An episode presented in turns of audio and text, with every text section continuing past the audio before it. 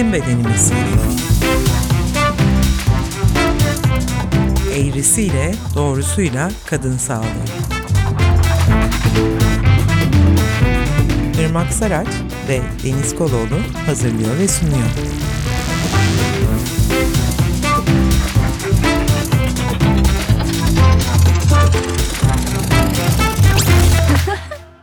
Herkese merhaba. Bizim Bedenimiz adlı podcast'imizin ikinci bölümündeyiz. Ben Irmak Saraç. Merhabalar, ben de Deniz Koloğlu. Bugün sizlerle toplumsal cinsiyet, toplumsal cinsiyet eşitliği ve sağlık ilişkisini konuşmak istiyoruz. Evet, ilk bölümümüzde girizgah yapmıştık. Bu da aslında bizim bedenimizi konuşmaya başladığımızdaki girizgahlarımızdan biri. Bitmeyecek girizgahlarımızdan biri olacak asıl konulara. Bu da asıl konu aslında. Ben dışarıda bırakmayayım. İlerleyen vakitlerde daha derinden giriyor olacağız. Toplumsal cinsiyet ne demek diye çekinmeden soralım bence Irmak. Zaten ilk bölümümüzde de bahsetmiştik. Kavramların da altını çizelim, açıklamalarını yapalım. Herkes biliyormuş gibi kabul etmeyelim demiştik. Sen nasıl tanımlarsın toplumsal cinsiyeti? Aslında toplumsal cinsiyet dediğimde şunu fark ettim ki daha çok aklıma toplumsal cinsiyet rolleri geliyor. Yani kadın ve erkek atanmış cinsiyetten bağımsız olarak toplumun bu cinsiyetlere atfettiği rollerin geldiğini fark ettim. Ama sonra düşününce aslında toplumsal cinsiyet kavramı daha böyle sadece cinsiyet kimliğinin de ötesinde işte her cinsiyeti, cinsiyet kimliğini ve cinsel yönelimi de içeren bir kavram olarak artık aklımda canlanıyor. Sadece toplumsal cinsiyet rollerinin ötesinde bir şeymiş gibi geliyor. Daha daha da çatıya çıkmak, daha da büyük bir şemsiye belki. O nasıl tanımlarsın o şemsiyeyi? Ben de gözüme canlandıramadım yani bu, bu şekilde.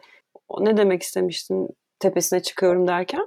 Yani iki tane sabit toplumsal cinsiyet kimliğinin daha ötesinde düşünüp işte her cinsiyeti, her cinsel cinsiyet kimliğini ve de her cinsel yönelimi içeren bir kavram olarak düşünüyorum ben bunu. Nasıl ki roller üzerinden gideceksek kadın böyle davranır, erkek böyle davranır, e, toplumsal cinsiyet de böyle şekillenir ya da işte e, Simone de Beauvoir'ın dediği gibi kadın doğulmaz kadın olunur. Aslında tüm cinsiyetleri yani cinsiyeti daha akışkan ikili sistemden çıkartırsak tüm cinsiyetleri ve cinsel kim, cinsiyet kimliklerini kapsayabilecek, cinsel yönelim kapsayabilecek bir şey olarak düşünüyorum. E, bence güzel bir pencere açtın. Benim kafamda en azından öyle oldu. Bir tane de e, Hüksam'ın yani Hacettepe Üniversitesi senin üniversitende değil mi bu? Evet, evet öyle. Hacettepe Üniversitesi Kadın Sorunları Uygulama ve Araştırma Merkezi'nin bu kavramla ilgili tanımını okumak istiyorum. 1980'lerde atılan bir tanım öncelikle toplumsal cinsiyet kavramı. Toplumsal cinsiyet kavramı toplumsal düzenin atfettiği kadınlık ve erkeklik rollerinin kabulüne vurgu yapan ve bu düzene zorlayan kültürel bir yapıyı anlatan bir kavramdır toplumun beklentilerine göre kadın ve erkek rollerinin yeniden üretilmesini sağlar. Bir dayatma var benim için bu küçük e, tanımda. O da rahatsız ediyor açıkçası. Evet o yüzden eşitliğinden bahsediyoruz değil mi? evet eşitliğini özellikle vurgulamaya çalışıyoruz. Burada da izinle dünyada ve Türkiye'de kısacık bir göz atmak isterim toplumsal cinsiyet olgusuna, tablosuna daha doğrusu. Dünya Ekonomik Forumu toplam 146 ülkenin ekonomik katılım, eğitimsel kazanımlar, sağlık ve hayatta kalma, siyasi yetkilendirme gibi dört temel alanda cinsiyet eşitsizliğinin değişimini ölçtüğü e, bir raporda. Küresel Cinsiyet Farkı 2023 raporunda. Bu rapora göre dünyada cinsiyet eşitsizliğini gidermek için sağlanan ilerlemenin hızı yaşanan çeşitli krizler nedeniyle büyük ölçüde yavaşladı. Buna pandemi de katabiliriz belki ne dersin? Detayına ben bakmadım ama muhakkak bu 2023 raporuysa etkisi vardır diye tahmin ediyorum. Cinsiyet eşitsizliği geçen yıla göre sadece %0.3 kapanmış. Bu raporun yayınlanmaya başladığı ilk defa 2006 yılından bu yana ise sadece %4 iyileşme kaydedilmiş. Ülkeler arasında cinsiyet eşitliği yüksek İzlanda'da iken en düşük ise Afganistan'da e, tespit edilmiş. Türkiye bu incelenen 146 ülke arasında 2023'e göre 129. sırada. Türkiye'den önceki ve sonraki ülkeleri merak eder miyiz? Yani evet ben de raporun şey var 2020 yılındaki yayınlananı orada 153 ülke içinde 130. sıradaymışız. Bir ufak bir ileriye gidiş göremiyorum yani. 153 130'dan daha iyi bir yer değil. evet değil. Bu Haziran 2023 Biyanet haberinden aldım bunu. Türkiye'den önce Maldivler, Japonya, Ürdün, Hindistan ve Tunus geliyor. Hemen sonra ise sıkı durun Nijerya, Suudi Arabistan, Lübnan, Katar ve Mısır geliyor. Bu arada Türkiye Kadın Koalisyonu'na göre raporda Türkiye 5 basamak geri düşmüş.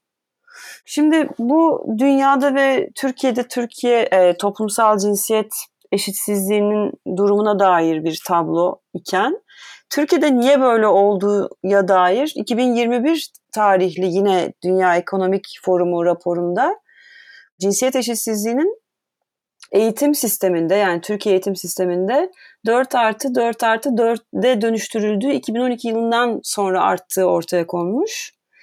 Bir küçük sicilimizdeki bir olayı da şöyle aktarmakta fayda var. Bilmeyenler ya da unutanlar için. Milli Eğitim Bakanlığı 2019-2020 e, eğitim öğretim yılı hedef listesine toplumsal cinsiyet eşitliği dersini de eklemişti. Fakat e, medyadan takip ettiğimiz 24 saat geçmeden de bunu iptal ettiğini öğrendik. Hatta 12 Eylül 2019'da resmi gazetede yayınlanan yönetmelik değişikliğiyle Milli Eğitim Bakanlığı Sosyal Hizmetler Yönetmeliğinden toplumsal cinsiyet eşitliği adındaki tüm etkinlikler alanlardan çıkarılmış. İstanbul Sözleşmesi'nden de bu sebeple çıkıldı ya bu, bu gösterilerek çıkıldı. Evet. Sonuç bu arada toplumsal cinsiyet eşitsizliği Türkiye ve birçok gelişmekte olan ülkede olduğu gibi özellikle kadınların çocukluktan itibaren tüm yaşamlarını etkiliyor. Yani toplumsal cinsiyet eşitsizliğinin hani belki bizim e, podcast konumuza dönmek gerekirse hani kadın sağlığına nasıl etki ettiğine belki değinebiliriz. Neden toplumsal cinsiyet eşitliğinden bahsediyoruz kadın sağlığı da değinirken belki? Onun için şöyle bir sorun var. Basitçe dinleyicilerimizin kafasında canlanması açısından toplumsal cinsiyet ve sağlık arasındaki bağ nedir? Bu görünmeyen bir bağ aslında ama sıkı sıkıya da bağlı iki kavram değil mi bu? Kesinlikle. Yani e, hani kadın sağlığı açısından şey demiştik ya sadece hasta olmama hali değil ama aynı zamanda fiziksel, ruhsal ve sosyal açıdan da iyi olma hali olarak tanımlamıştık ya bir kadının sadece hasta olmama hali değil kadın sağlığından bahsederken. E, toplumsal cinsiyet eşitsizliği nerelerden etkiliyor aslında? Yani toplumsal cinsiyet eşitliği eşitsizliğine bakarken o e, raporda da benzer parametrelere bakılıyor. İşte kadınların istihdam durumu, eğitim düzeyleri, kız çocuklarının parlamentodaki temsiliyetleri gibi gibi pek çok kavrama bakılıyor. Ve sonuç olarak bunlardaki gerilikte e, sağlığı nasıl etkiliyor diye düşünebiliriz. Mesela en tepeden başlarsak parlamentoda kadın temsiliyetinin azalması kadınların e, önceleyen kanunların çıkmasını engelliyor ya da biraz daha geriye gidersek kız çocuklarının eğitiminin ortaokul ve üzerine devam etmeyen, şimdi bizdeki ilk öğretim oluyor ya onun üzerine devam etme oranları erkek çocuklarına göre daha düşük Türkiye'de. Sonuçta hem sağlık okur yazarlığını etkiliyor hem istihdama katılımlarını e, etkiliyor. Yani pek çok rapor var rahatlıkla bulunabilecek. Örneğin e, erkeklerin iş gücüne daha doğrusu SSK'lı gibi güvenceli iş gücüne katılım oranlarıyla kadınların katılım oranları arasında büyük fark var. Ekonomik olarak da kadınları daha geri planda bırakan bir şey bu. Güvencesiz ve esnek saatlerde çalışma. Dolayısıyla sağlıkla ilgili bir sorunları olduğunda hizmete başvurmaktan çekinme, maddi olarak ya da sosyal olarak çekinme, ayrımcılıkla karşılaşmaktan korkma gibi gibi pek çok soruna yol açıyor aslında. Evet. Birazdan daha detayına da ineceğiz. Hangi alanlarda etkileniyor kadın sağlığı bu toplumsal cinsiyet eşitsizliğine maruz kalarak diye. Peki ben araya başka bir konu sığdırmak istiyorum. Mümkün mertebe sığdırmak. Çünkü çok uzun bir açılımı yapılması gereken bir konu. Fakat anmalıyız diye düşünüyorum. Ee, ana konusu insan sağlığı olan tıp biliminde ayrımcılığın kökenine bakacak olursak nasıl görürüz, ne görürüz oraya ilk baktığımızda kısaca anlatmak gerekirse? Ya şimdi şöyle bir bakabiliriz. Aslında doktorluk denen meslek de daha tabii ki ta Hipokrat'a kadar falan dayanıyor ve her zaman her zaman erkeklerin tekelinde olmuş. Kadınlar hani her şeyden uzak kalmış diye bir şey yok. İşte ilaç yapan kadınlar da olmuş vesaire ama doktor tırnak içerisinde doktor diyorum ya da hekim diyeyim. O statüde kabul edilmemişler çoğu zaman.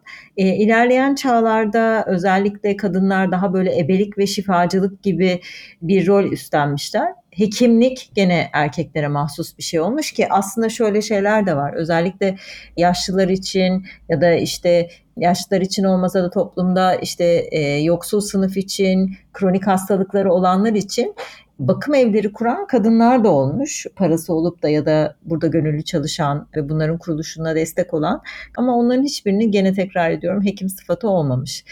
Daha sonra tıp ve kilise daha yan yana gitmeye başladıkça doktorluk da daha böyle e, zengin kesimin ulaşabildiği bir bir daha bir zanaat işte parası veren doktoru çağırıyor ve tedavi oluyor gibi. Kadın şifacılar ve ebeler daha çok tam da yoksul kesimin aslında başvurduğu kişiler olmuş. Kadınlara pek çok konuda destek olan, doğumda destek olan, doğum sonrası bakımda destek olan ve diğer dönemlerde de destek olanlar olmuş. Bunlar tabii ki hani hepimizin biliyoruz oraya girmeyeceğim. Cadı avlarıyla falan bayağı bir ortadan silinmeye çalışılmış.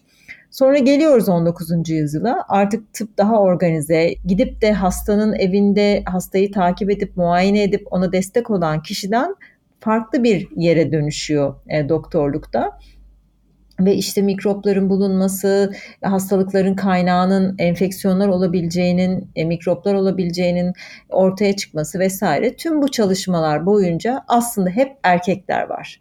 Anatomisyenler de hep erkek. Yani anatomik olarak kadın vücuduna zaten başlangıçta hani bir e, insan bedenini kesmek de çok büyük bir dini şeyle karşılaştığı için ama zaman içerisinde buna ulaşıyorlar ve diseksiyonlar yapılıyor falan ama yapanlar hep hep erkek, hep erkek. Ve sonuç itibariyle her şey bir erkek bedeni üzerinden tanımlanıyor. Kadındaki e, anatomik yapılar da erkek üzerinden varlığı ya da yokluğu tanımlanıyor ya da ona atfedilerek. Pardon burada bir araya gireceğim. Biz aramızda konuştuk. İncelenen bedenler de erkek hatta er, beyaz erkek bedeni değil mi? Biz inceleyenler olarak kaldı sadece anlatırken. Kadavra masasındaki de er, beyaz erkek, inceleyen de beyaz erkek. Evet ama ilk başlarda tam beyaz erkek olmak zorunda değil. Aslında tam da kimsenin sahiplenmediği kimsesizler falan da olduğu için. E, ama genel anlamda anatomide özellikle diseksiyonlar onlara göre yapılıp onlar üzerinden tarifleniyor. Burada belki çok kısaca klitorisin belki hikayesini çok kısaca anlatabiliriz. Hani klitorisin de diseksiyonu aslında 16. yüzyılda yapılıyor ilk keşif tabii ki dışarıdan bakıyla diseksiyon olmadan yani iç kesilerek bakılmadan iki kere keşfediliyor klitoris. Herkes kendi keşfettiğini söylüyor. İki ayrı kişi tarafından hayır sen değil ben arka arkaya keşfediliyor falan. Neyse 15-16. yüzyılda diseksiyonu yapılıyor ama anatomi kitaplarına diseksiyonuyla birlikte girmiyor aslında. Çok uzun bir süre girmiyor. Klitoristen bahsediliyor ama çok kısaca e, bahsediliyor. Ta ki 1998'de bir kadın ürolog yeniden bu diseksiyonu yapıp işte fonksiyonel MR'larla bunu gösterip klitorisin aslında nasıl bir organ olduğunu gösterene kadar. O zamana kadar klitoris tarif edilirken erkektekinden farklı içinden işte erkek penisi aynı zamanda işeme görevi de gördüğü için üretra dediğimiz o kanalın idrar kanalının geçmemesiyle tarifleniyor. Ne hazın üzerinde duruluyor ne bir şey sadece dışarıdan görünen klitorisin e, başından bahsediliyor. Ya da normal değerler erkek bedeni hatta beyaz erkekler üzerinden tarif ediliyor. İşte orada gerçekten beyaz erkekler normal oluyor. Mesela adetle ilgili bir şey okumuştum. E, menstrual ürünlerle ilgili. Herhangi bir şey geliştirilirken erkekler geliştiriyor ya geliştirici konumundalar. Deneyleri de kendi üzerinde yapıyorlar aslında. Nasıl olabilir? Yani bir şey buluyorlar önce kendileri deniyorlar gibi düşün. Fakat tabii menstrual ürünleri kendileri deneyemiyorlar. Peki burada ne giriyor? E, eşlerine gidiyorlar. İşte sekreterleri, etraflarındaki kadınlara deneterek bunu yapıyorlar. Çok kadına özgü bir şey de bu şekilde aslında deneyenler üzerinden tariflemeye çalışan gene erkekler oluyor. Gibi gibi yani tıp aslında biraz da bence feminizmin de biraz değil bence çokça feminizmin etkisiyle o ayrımcılıktan uzaklaşmak durumunda kalıyor.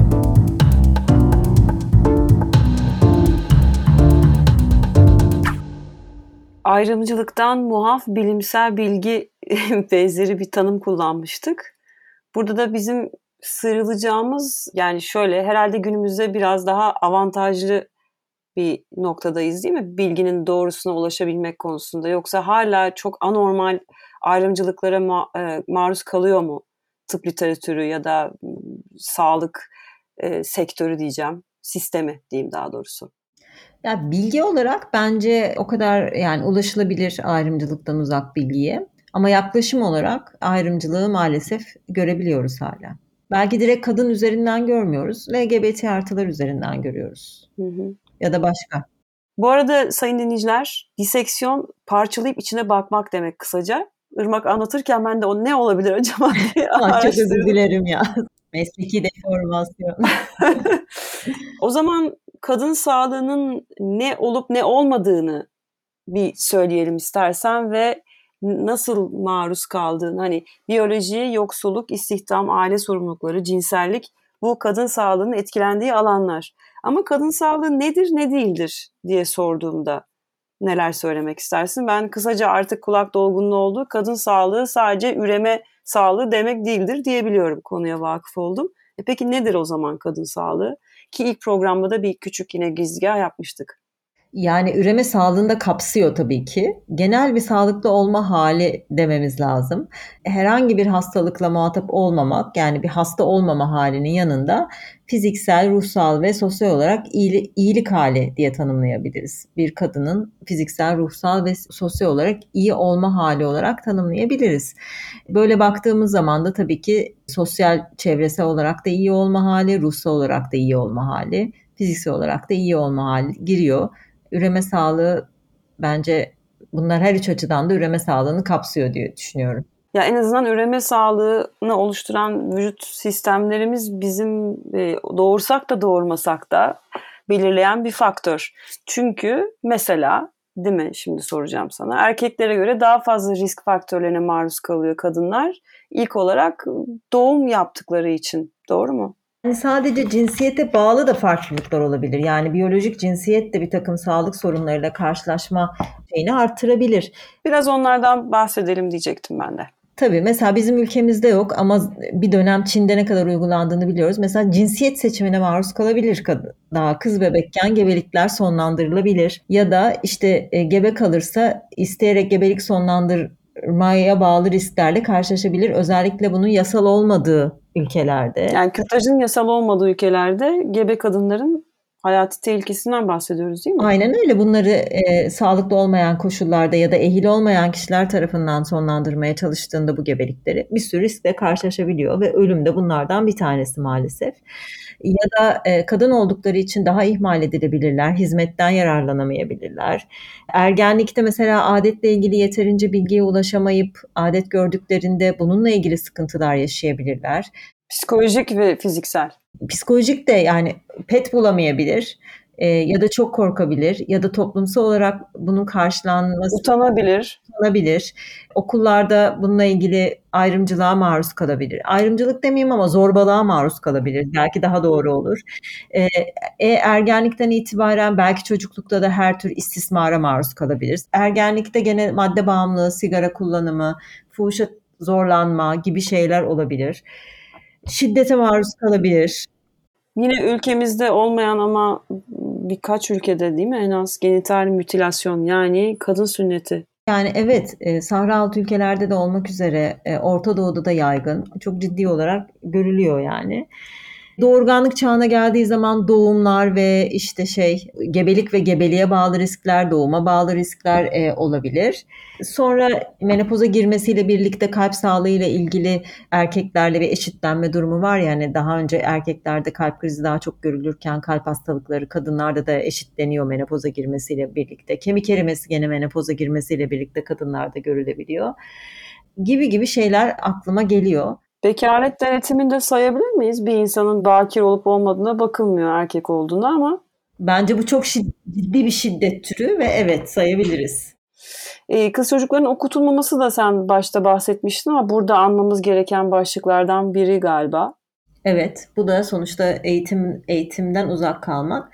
Yani bir kere şöyle bir şey, kadın okur yazarlığı arttıkça yani kadınların eğitimde geçirdikleri süre arttıkça mesela ilk anne olma yaşları da öteleniyor doğal olarak. E bu da e, ergenlikte görülen gebelik oranlarını düşürüyor. Mesela Türkiye Nüfus ve Sağlık Araştırması var. Her 5 yılda bir yapılan. Şöyle onun bir özet raporuna baktım. Mesela yüksek riskli doğurganlık dediği 15-19 yaşları arasında çocuk doğuran yüzde üç buçuk çok ciddi bir oran. 15-19 yaş arası kadınlarda bin kadın başına adolesan doğurganlık hızı 30. Acayip değil mi yani? Evet. Sonra yani eğitim düzeyi arttıkça ekonomik bağımsızlığını elde ederek şiddet döngüsünde eğer bir şiddet ya da istismar döngüsü döngüsündeyse onu kırabilme olasılığı yüksek. Daha ileri gidelim. Çalıştığını ve dışarı çıkabildiğini eğitimi aldıktan sonra da bir de ücret eşitsizliğiyle karşılaşıyor kadın. O da sosyal olarak onu ve kültürel olarak ve sınıfsal olarak bir sürü anlamda etkiliyordur herhalde sağlığına yansıyan bir durumu olmuş oluyor. İşte eşit ücret almıyorlar ya da işte daha güvencesiz işlerde çalışıyorlar. O da bir ayrıca sağlık riski oluşturuyor. E tabii neden sigortalı olmuyor, emekli olmuyor ya da çalıştı çalışması bittiği andan itibaren güvencesi olmadığı için e, maddi olarak da gidip sağlık hizmetinden yararlanamıyor. Bunu göze alıyor. Önceliklerini değiştirmeye karar veriyor. Büyük ihtimal ailesini geçindiriyor. Çocuklarına bakıyor. Ve önceliğinin kendi olmadığına zaten kani olmuş. Bir de bekar kadınların ayrımcılığa maruz kalması var. Yine bir toplumsal baskı unsuru olarak yalnız bir kadının yani bakımdan mahrum olması, dışlanması gibi. E, bunu en son depremde de gördük. Mesela çadırlar dağıtılırken bekar kadınlara ya da boşanmış kadınlara çadır önceliği vermediler. Aile önceliklendirildi. Aile olmak durumu. Bekar kadınlar, yalnız yaşayan kadınlar zor durumda bırakıldılar. Başka bir konuya e, izninle gelmek istiyorum. Tıp eğitiminin ve tıp dünyasının kadın sağlığına kör olduğu alanlar. Bunları bu başlıklarda da büyük ihtimal andık ama bunlara dair nasıl örnekler verebiliriz? Bir de benim şu söyleyeceğim örnek buna dahil olur mu? Mesela ya bazı hastalıkların kadın mizacına indirgenmesi, e, yakıştırılması, özetle yok sayılmasını e, sayabilir miyiz bunun içinde? E, ve günümüzde buna dair ne tür sıkıntılar, rahatsızlıklar bu yüzden görmezden geliniyor. Burada da Müge Yetener'in bir makalesini okumuştum galiba çatlak zeminde. Mesela ağrılı adet veya çeşitli ruhsal dalgalanmalar aslında çikolata kistinin göstergesiyken aman bu kadınlar da ama abartıyor ya da falan filan gibi kılıflar geçiriliyor. Yani sorudan koparmadım inşallah. Şöyle şey aklıma geliyor, şu aklıma geliyor.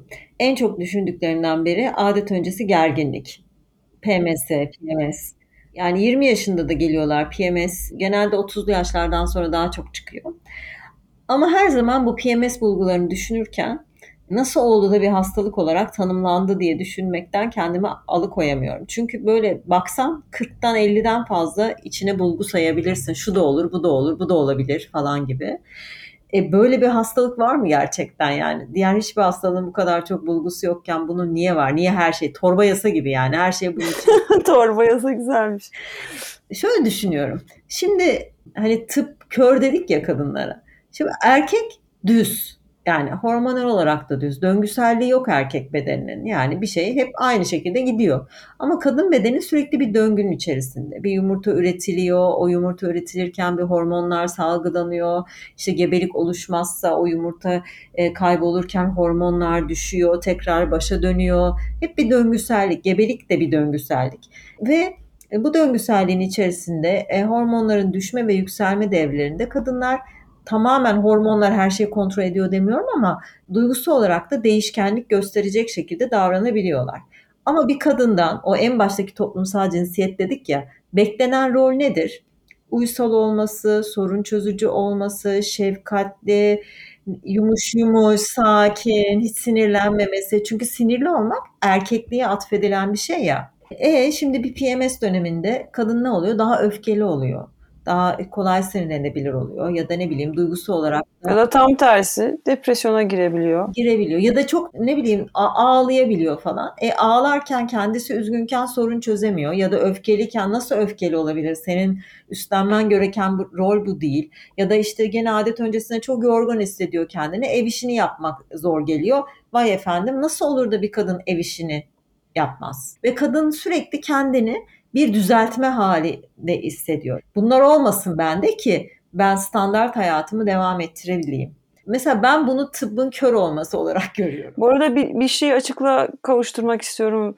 PMS adet öncesi sendrom değil mi? Sendrom hastalık mıdır literatürde? Şöyle sendrom denen şey hastalık değil de böyle pek çok başka başka çeşitli çeşitli bulguların bir arada bulunduğu şey yani. İşte eklemler de ağrıyabilir ama işte duygusal dalgalanma da olabilir. Yani bir hastalık gibi hani ateş yükselir, karın şişliyor olur falan gibi değil de hani oradan biraz buradan biraz olunca ona sendrom deniyor. Peki bu, bunu da eleştiriyor musun bu tanımlamayı? Yani şöyle söylüyorum. Belki de bu bir hastalık olarak bile tanımlanmaması gereken bir şey. Bu normalimiz olsun bizim. Biz de bunu tedavi etmek zorunda kalmayalım ve biz de böyle kabul edilelim. Adet görenler diyeyim. Peki bir doktora bir soru soracağım. Şimdi bazen deniyor ki işte magnezyumun az, demirin bilmem ne. O yüzden daha şiddetli geçiyor regl öncesi zaman aralığın. Bu takviyeyi alırsan, şunu şöyle yaparsan daha iyi olur. Böyle bir öneriyle geliyorlar. Şimdi bu tür arayışlar da aslında o bahsettiğin kendine düzeltme ve daha iyi olabilirim şeyine çaresiz bir debelenme mi yoksa gerçekten bazı şeyleri onardığında e, vücudundaki eksik mineraller, vitaminler daha iyi olabiliyor mu bir şeyler? Tabii ki hiçbir vitaminimiz ve mineralimiz eksik olmasın. Yani bir kadının hayatını aksatıyorsa biz buna destek olmayalım da demiyorum. Ben çok daha temelde bir yerdeyim. Neden bir kadının öfkelenme hakkı olmasın ki? Bari hayatının belli günlerinde, ayın belli günlerinde bu kadar hakkı olsun. Neden bir kadın böyle ya ben bugün çok yorgunum, kolumu kaldıramıyorum, bugün sadece ağlamak istiyorum diyemesin ki? Anlatabiliyor muyum? Yani bir erkek öfkelendiği zaman istediği gibi öfkelenebilir. Biz ne yaparız? Birine dövmediği, kırmadığı, şey yapmadığı sürece öfkelendi olur adı. Ya da işte zamanında işte kadınlara ne denmiş? Histerik denmiş. Sadece bir kadına atfedilmiş bir tanı. Erkekte histeri diye bir şey tanımlanmamış. Özellikle bu Freudiyen yaklaşımlarda. İşte bir takım cinsellikle ilgili tedaviler atfedilmiş diyeyim e, kabaca. Ama burada da yani adetliyken ağrım var deyince abartmış oluyor mesela o Müge Yetener'den bahsettiğin örnekte de. Neden abart? Gerçekten çok ağrısı olabilir. Ama bir kadının şikayet etme hakkı da yok ya. Çünkü o o ağrıyla onu içine atmak zorunda. Çünkü o böyle serzenişte bulunmaz kadın. Tabii bulunmaması gerekir. Bulunmaması gerekir. Yani e çünkü her ay başına geliyor yani biz her ay senin şeyinle mi uğraşacağız arkadaş gibi? yani dolayısıyla da işte toplumsal cinsiyet eşitsizliği tam da buraları bence çok şey yapıyor yani. Tekrar tekrar üretiyor, tekrar tekrar üretiyor. Çünkü mesela bazen premenstrüel sendromla yani adet öncesi gerginlik şikayetiyle gelen kadınlara bazen böyle sorular soruyoruz. Neden böyle bir hakkın olmasın ki falan diye. Şöyle duruyor. Evet bunu hiç düşünmedim diyenler oluyor yani. Ya bunun kökleri tabii şeyleri kadar geliyor işte yani kadınlar yeterince rasyonel değil, yeterince akıllı olmadığı için oy kullanmasından geliyor yani. O kadar derinde ki bu kök, kökler.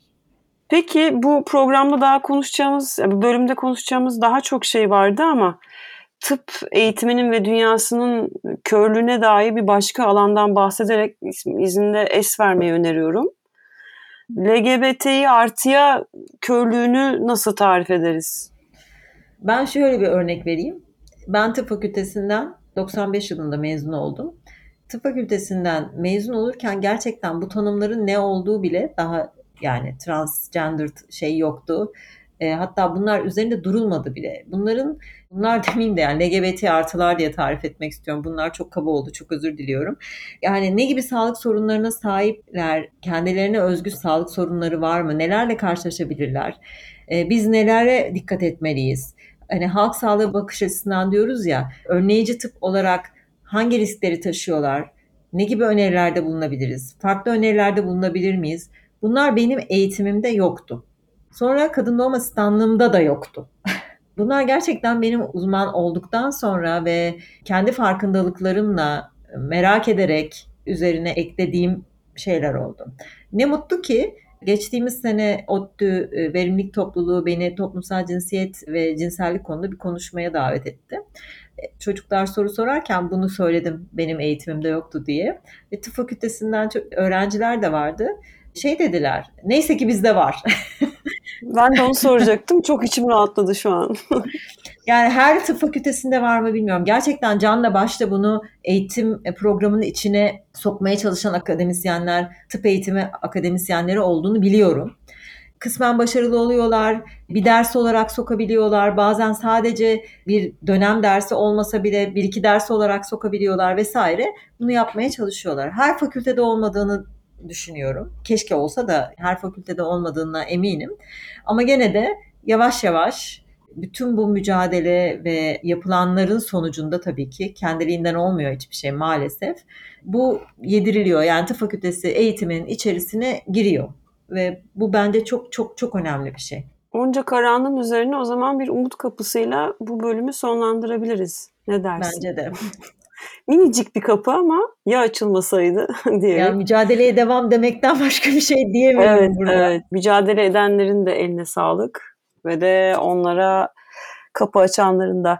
Şimdi gelecek bölümde sağlık sistemi ve kadın sağlığını konuşmaya başlayacağız. Eğitim, sınıfsal eşitsizlik, kadınların sağlık hizmetlerine ulaşamama ve bunların sebepleri ve sağlıkta özelleşmenin etkileri kadın sağlığına gibi çok tatlı konulara girmeyi düşünüyoruz.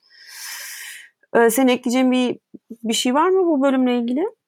Bence güzel konuştuk. Hayırlısı diyorum. Dinleyiciler de umarım aynı fikirdedir. Ben kendi adıma memnunum. Gelecek bölümde görüşmek üzere. Görüşmek üzere. Hoşçakalın. Hoşçakalın.